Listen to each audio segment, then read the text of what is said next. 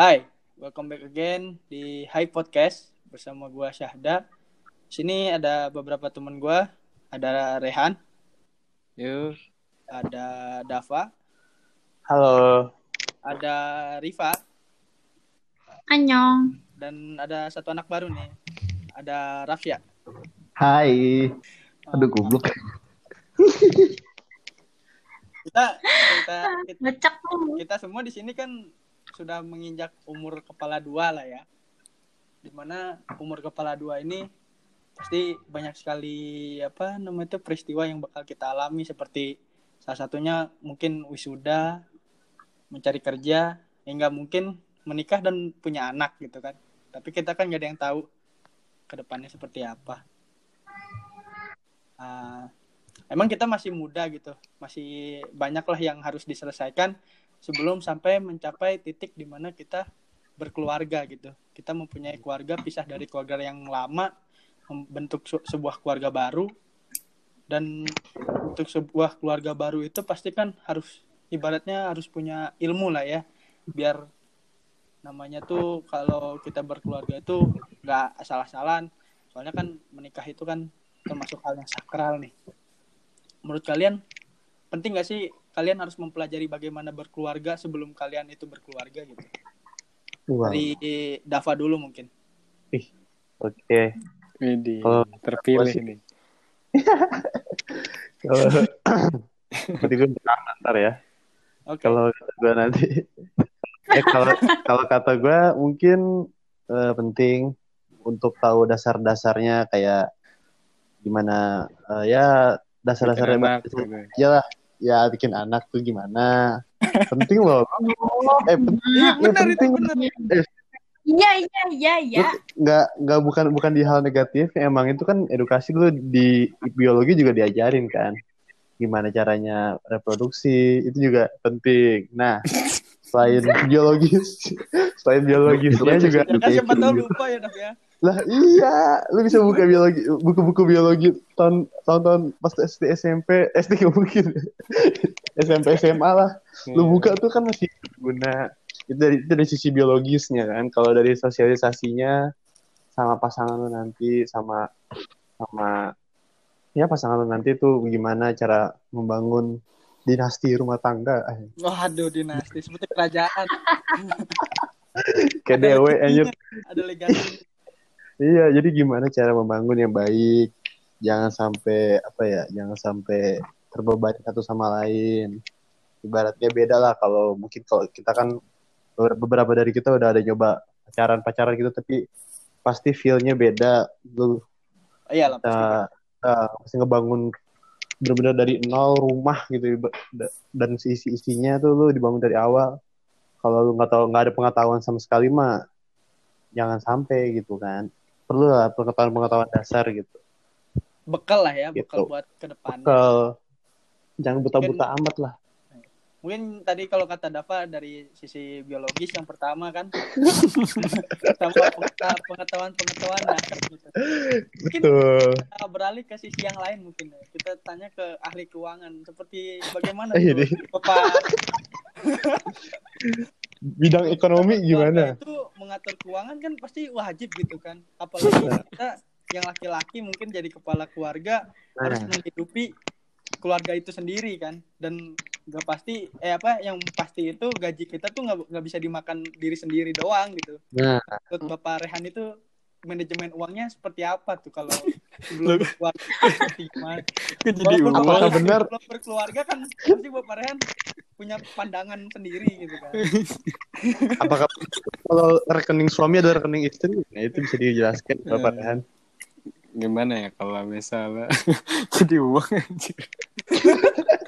ada sisi baru kan gue bertanya sesuai dengan kapasitas gitu.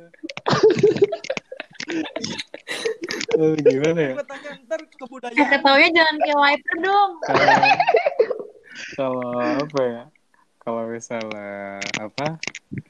Membuat keluarga baru itu kan gimana ya pengetahuan parenting pertama itu kan emang penting ya. Cuman Betul. sebagai eh, pengetahuan parenting itu ibaratnya fondasi ya. Nah, kalau Hmm. misalnya Hmm. untuk memperkuat rumah tangga itu sendiri dibutuhkan pilar-pilar. Nah, pilar-pilar Hmm. inilah adalah Ke masjid.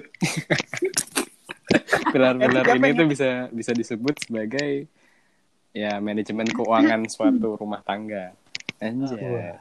Kalau kata gue sih apa ya? Biar manajemen keuangannya lebih terarah dan lebih tersusun dalam suatu rumah tangga itu open up soal gaji. Hmm. Soalnya gue gue pernah dengar cerita kebanyakan pasangan suami istri itu yang dua-duanya kerja ya itu nggak Iya. nggak terlalu terbuka soal gaji bonus gitu-gitu Oh jadi ta- eh, kalau takutnya suami tahu atau istri tahu, jadi nggak bisa beli hobi atau beli kepengen dia mungkin ya. iya Foya-foya. gitu. Heeh. Ingin foya-foya gitu kan. Iya. Siapa tahu mau nyewa pecun gitu kan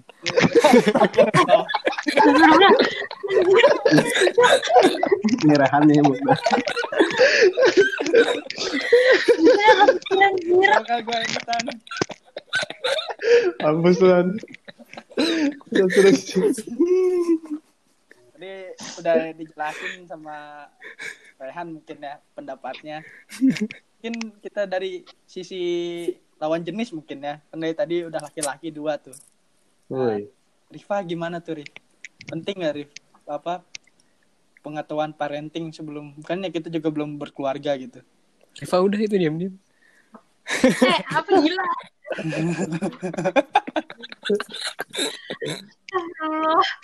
Kalau dari gue untuk masalah parenting ya, untuk masalah parenting tuh menurut gue ya wajib banget sih, maksudnya kayak harus tahu sejak dini, apalagi mengena, apalagi kayak mengenai mentalnya gitu loh, karena mental lo di saat lo udah berkeluarga dan menjadi seorang orang tua, itu bener-bener yang kayak diuji banget buat lo ngehadapin pasangan lo, ngehadapin keluarga pasangan lo, terus juga ngehadapin eh, anak-anak lo yang sifatnya beda-beda, itu kayak penting banget itu loh, Hmm. kayak cara-cara parenting atau parenthood yang baik itu kayak gimana.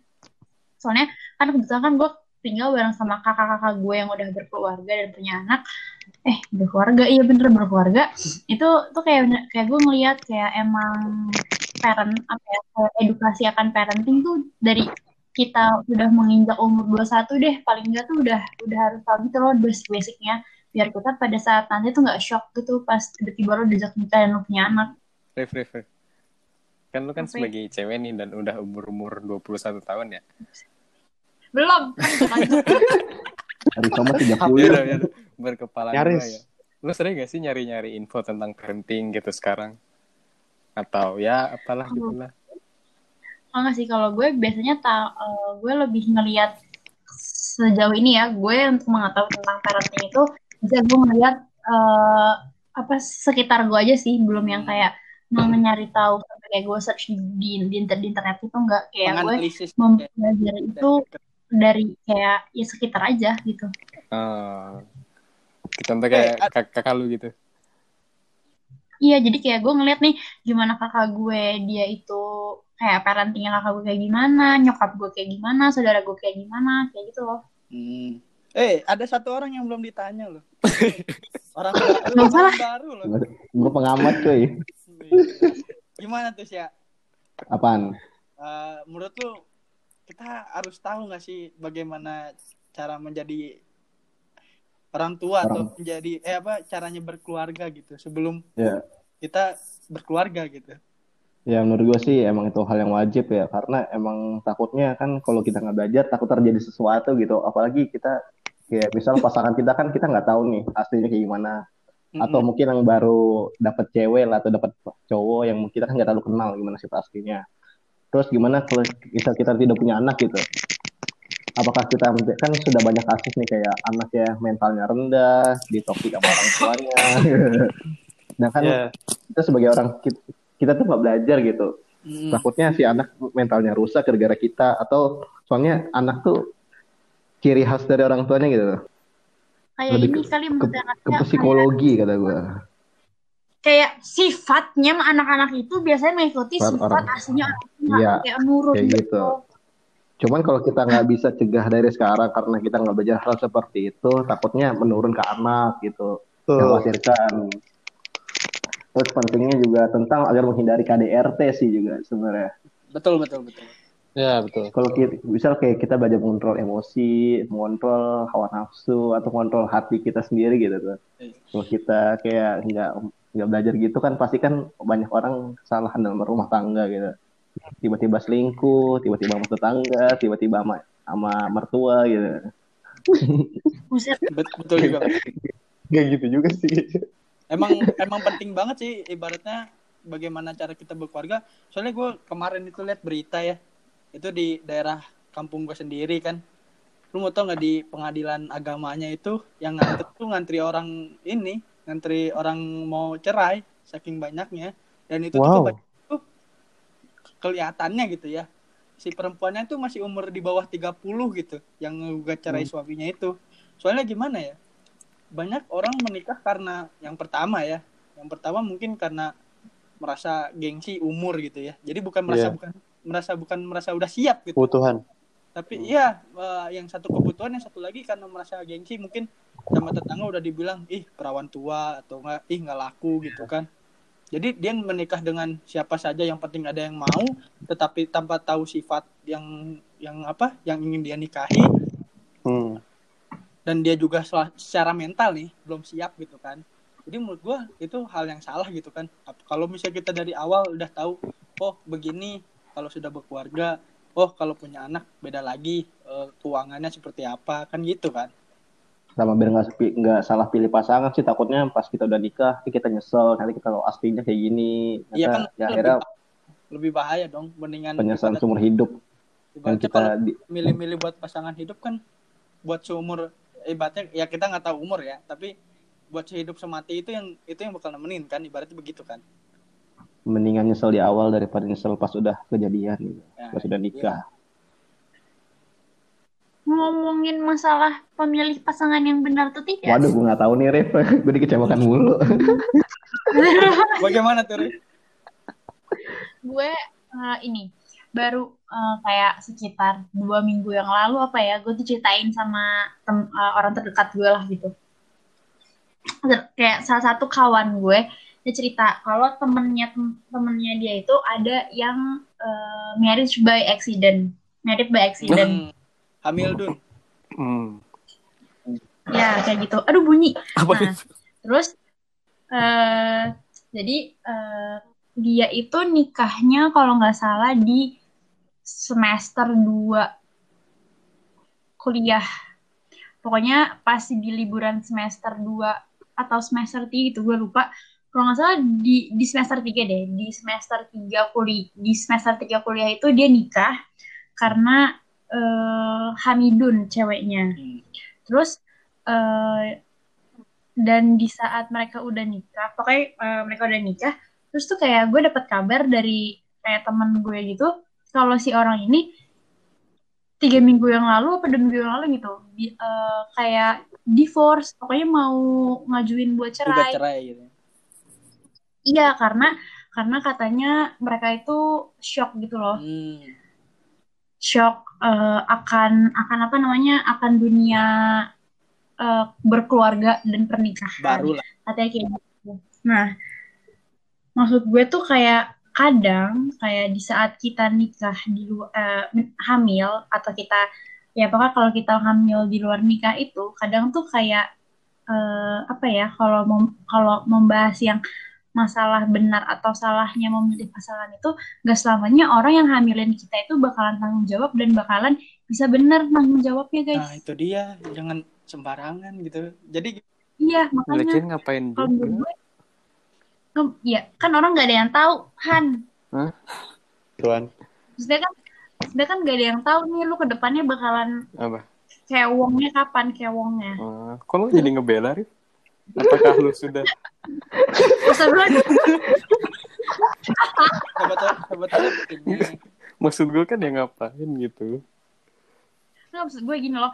Eh, kalau gini loh eh, pokoknya maksud pokoknya intinya kayak di saat lo itu cewong sebelum nikah itu tuh yang kayak belum tentu selamanya pasangan lo ini bisa apa ya bisa menjadi pasangan yang baik pada saat lo Nikah. sudah berkeluarga dengan dia gitu loh Wa- walaupun dia bertanggung jawab tapi belum tentu kayak ide dia yang terbaik gitu loh. Soalnya kalau masih muda tuh nafsunya masih menggebu-gebu berhan. Betul. Iya. Lagi lagi Kayaknya penasaran gitu. Kelepasan itu. Oke. Lepasan belum lagi sama-sama mau gitu. Apalagi kan cewek tuh suka terlena sama jadi cowok gitu. Kayak gue Ah, bakal tanggung jawab gitu. Eh taunya ditinggalin gitu. Udah banyak cerita sih.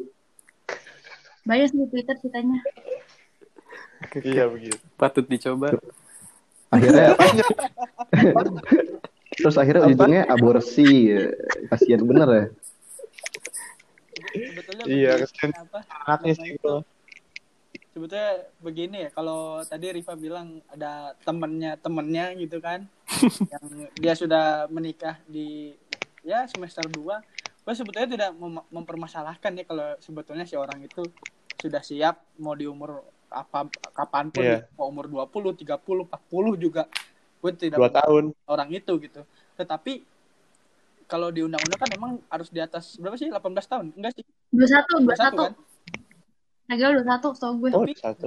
itu bukan berarti jadi patokan lu harus menikah di umur segitu menurut gua. Hah, gimana gimana? Jadi kan misalnya nih ada undang-undang nih misalnya bilang eh, umur minimal buat menikah itu kan seperti kata Riva, gue bingung ya antara 18 atau 21 gitu ya. Gue rada bingung juga.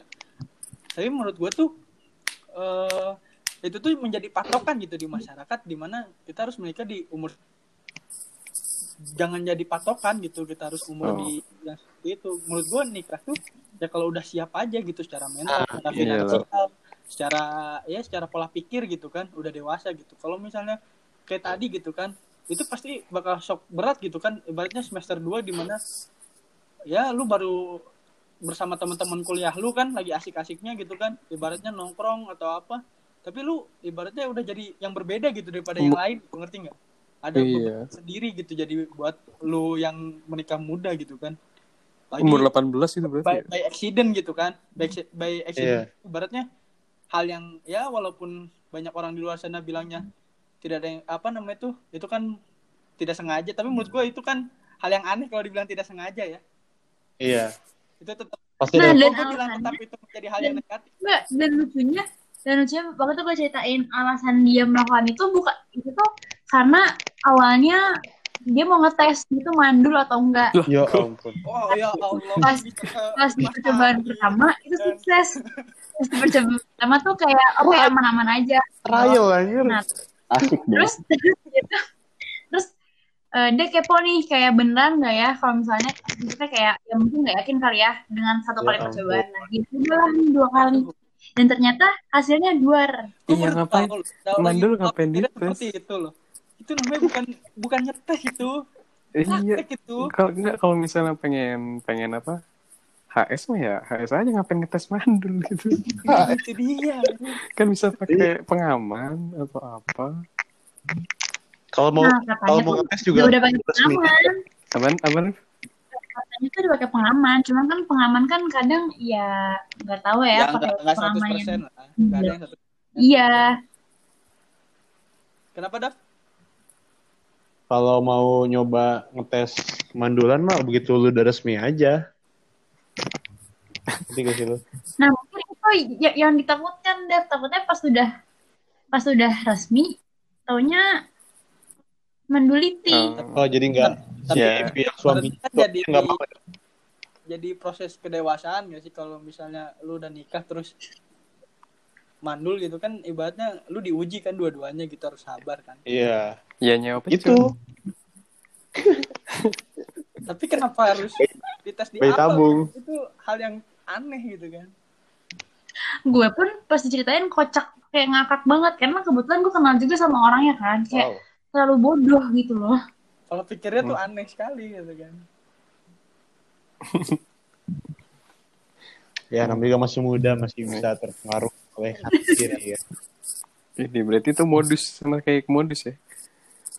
Iya, itu alasan aja. Kalau gua sih. Mau sih. Eh gimana? mau ngetes juga kan? kan tadi udah ngasih pendapat masing-masing kan di mana penting kalau kita harus tahu ibaratnya ilmu untuk parenting atau ilmu berkeluarga gitu sampai saat ini Iya. sampai saat ini ada nggak sih lu yang bakal lu lakukan kalau lu sudah berkeluarga yang lu sudah rencanakan gitu mungkin Waduh. Mungkin kayak ah gue pengen anak gua eh, apa namanya tuh? Kembar sembilan. ya enggak bukan begitu juga dap lu mah biologis terus dap ini gua bukan, cara situ anjir maksudnya Ya udah. banyaknya kita di luar kayak banyak yang tidak membebas ada orang tua yang tidak membebaskan hobi anaknya gitu kan lalu Oh, iya betul. gue mungkin ada gak ada. Gak ada. Mungkin ada yang apa namanya tuh? Ah mau anak gua gambar mau anak gua nari mau anak gua apa pun. Iya, iya. iya dak. Gue ada nih dak. Gue mau ngomong ah, boleh ya udah dari Riva dulu deh. Eh, gue mungkin karena anaknya agak visi- visioner banget ya. Jadi kayak gue tuh kad- sudah memplan nih untuk gue ke depannya. Di saat gue sudah sudah mempunyai ya gue sudah berkeluarga gue tuh akan akan menjadi kayak gue ingin ingin ingin menjadi orang tua yang membebaskan anak-anak gue. Kayak mereka kayak gue bener-bener kayak mau ngebebasin anak-anak gue mau jadi apa. Asal mereka tetap jalan yang bener gitu loh. Hmm, ngerti ngerti ngerti. Iya betul. sama baca dan kalau misalnya dan kalau misalnya mereka punya hobi yang aneh-aneh ya selama hobi aneh-anehnya itu masih masuk di akal ya gue kayak oh ya udah kayak nggak apa-apa. Cuman kalau udah nggak masuk di akal gue yang kayak ya assalamualaikum. Kamu tidak boleh nak. Kayak iya. gitu. Ya kan pasti harus diarahkan kan sama kita. Ya dan hat- dan dan kayak satu hal lagi sih kayak gue pengen banget di saat di saat gue nanti udah udah berkeluarga dan punya anak itu kayak entah kenapa gue tuh pengen banget anak-anak gue itu sekolahnya kayak di sekolah negeri terus gitu loh. Nggak boleh swasta nggak boleh nggak boleh internasional. Waduh itu beban loh Rif. terlalu iya emang emang gue terlalu tahu. oppressing Biar ya tapi nggak tahu ya tapi Ya, kita punya masing-masing lah ya kalau buat itu. Buat mungkin buat Dava gimana Dap? Ada rencana mungkin? Ada Oh, kalau kayak kita enggak kalau sebelas ya itu. Kalau anak sih gue nggak ada target gue ya udah bikin oh, tapi lu Enggak maksudnya maksudnya ya ya serejekinya lah lu kalau dita- kalau gue juga nggak bakal mungkin. Harus harus 17 harus 17 nggak bisa kalau nggak ambil ya 17 kenapa? nggak harus bakal berhenti delapan gitu nggak mungkin kan gitu kan kalau misalnya kalau misalnya buat anak itu mah enggak lah maksudnya. Tapi ya bener kayak Riva gue juga mungkin bakal ngelakuin kayak begitu. Kayak tetap tetap ngebebasin hobi dia apa ya apa asal ya sesuai kodrat agama gua. Ini Gitu kan. gila. emang agama lo kan alhamdulillah. Alhamdulillah aja udah. Gue udah gue udah kayak netizen Indo aja kan nanya-nanya agama. Iya. Terus eh apa namanya gue paling kayak misalnya kalau misalnya dia tiba-tiba menyimpang kan gue tabok baru kan nggak mungkin aja kalau dibayangin itu soalnya gue juga suka ngeri ini kayak ngeliat di ya di beberapa media sosial tuh banyak banget kayak anjing doang kayak jauh banget menyimpangnya gitu dari bener-bener bener-bener jantan banget sampai melambai banget gitu kan. Waduh. Ya gue nggak bakal mau lah gitu lah maksudnya itu sih. Sama gue mau ini nih kalau buat kode keluarga gue pengen apa ya eh, tetap banyak waktu dengan keluarga. Karena memang gak, nggak mungkin juga gue kayak terus berkarir gitu kan. Cocok sih pengangguran sih Dap. Enggak soalnya dari gue pribadi juga di keluarga gue tuh benar-benar ada gitu waktu buat keluarga. Gue kalau keluar keluar beli apa kayak misalnya beli keluar ke mana gitu harus ikut untuk keluarga gitu. Iya, nggak boleh enggak tuh juga maksudnya atau juga sih kan gue juga ini kan gue ngomong gini masih rencana dari gue belum rencana dari Tuhan. istri gue nanti kan. Iya. ya belum dari Tuhan juga. Ya bisa bisa, bisa dirembukan lah. Kalau gue sih itu ngebebasin tapi dalam dalam kandang gue gue bebasin ini dalam Kandang mantap. apa ibaratnya ada garis yang lu tet- tetapin gitu Iya, kan. boleh sebebas mana pun asal lu masih di kotak ini gitu kan lu Mm, kalau hobinya dia nelen hand sanitizer kan nggak mungkin juga. Aneh banget, anjir. Anak nggak mungkin. Jadi gue mungkin ya se kalau sebisa mungkin gue fasilitasi lah hobinya dia, kemauan dia. benar benar benar Eh, mungkin kita lempar ke Rehan mungkin anaknya disuruh nabung dari bayi nabung kayak anak TK tau gak sih jangan pakai buku tabungan gitu tabungan yang apa gurunya gurunya. Lu bikin taples bayi dahan. Kan di WNI ada taples remaja tuh. ya kan misalnya nih misalnya eh, anaknya lahir nih terus ada yang ibaratnya ngampau lah ya kan itu apa budaya Indonesia kan ngampau-ngampau gitu Iya. kan. Ya, siapa tahu dek papa du- eh, duit ade papa simpen ya gitu papa Iya, iya. tabungin di saham ini gitu kan biar ade kuliah ntar beli gak nyusahin gitu gimana Tuhan Apa nih? Ya sama sih udah lu sebetulnya. rencanain nggak apa Iya, belum? secara garis besar sih ya sama kayak yang Riva Madapa ini sebutin. Ah, ngikutin lu. Tahu lu Oke, yaudah kalau gitu. Kan lu sekarang. kan lu anak di, di, gak dibatasin nih dap. Gue istri gak dibatasin deh.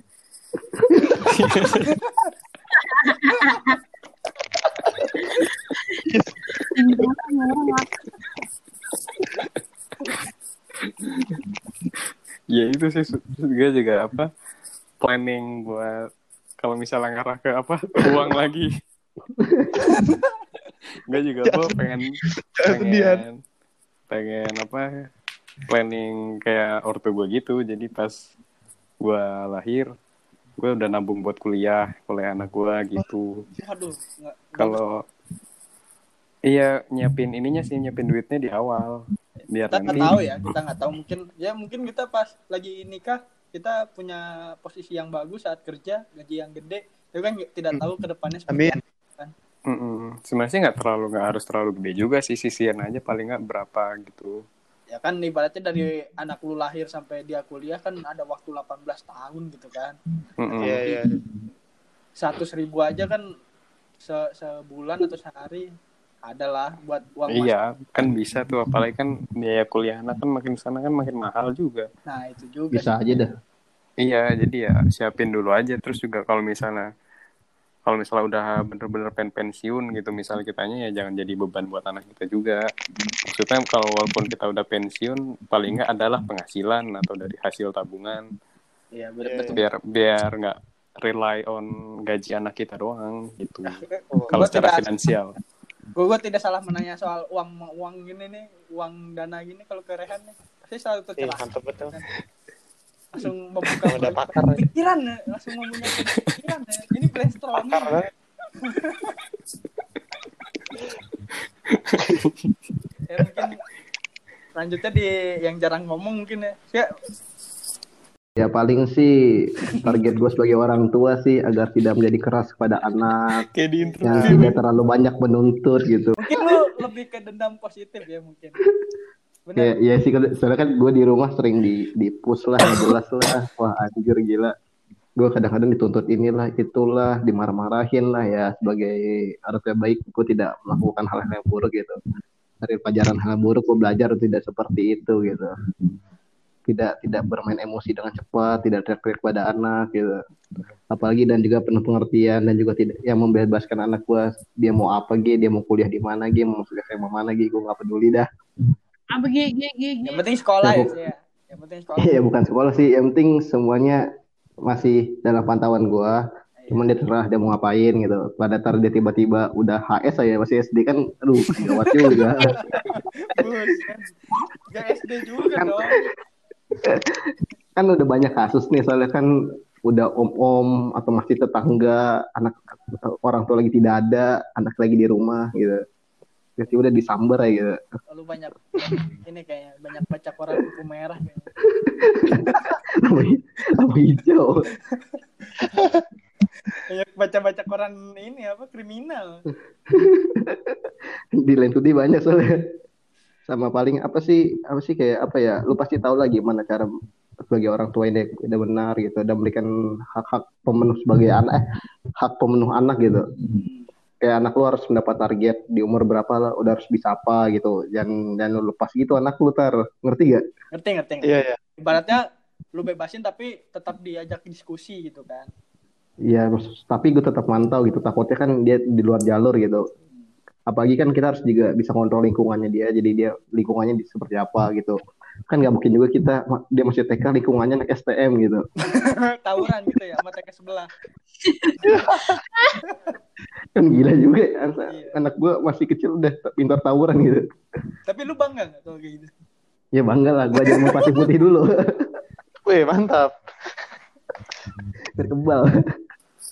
Mungkin dari tadi kita sudah menjelaskan panjang lebar tentang bagaimana pentingnya cara eh bukan cara ya bagaimana kita pentingnya untuk mengetahui ibaratnya ilmu-ilmu berkeluarga lah ya. Sebelum kita sendiri masih jauh lah untuk berkeluarga gitu. Gue juga belum ada pikiran untuk berkeluarga gitu. Masih ada kuliah belum selesai duit belum ada gitu penghasilan kan. Ya sekian mungkin untuk episode kali ini sampai jumpa di episode berikutnya bye Harta yang paling berharga adalah keluarga. Istana yang paling indah adalah keluarga.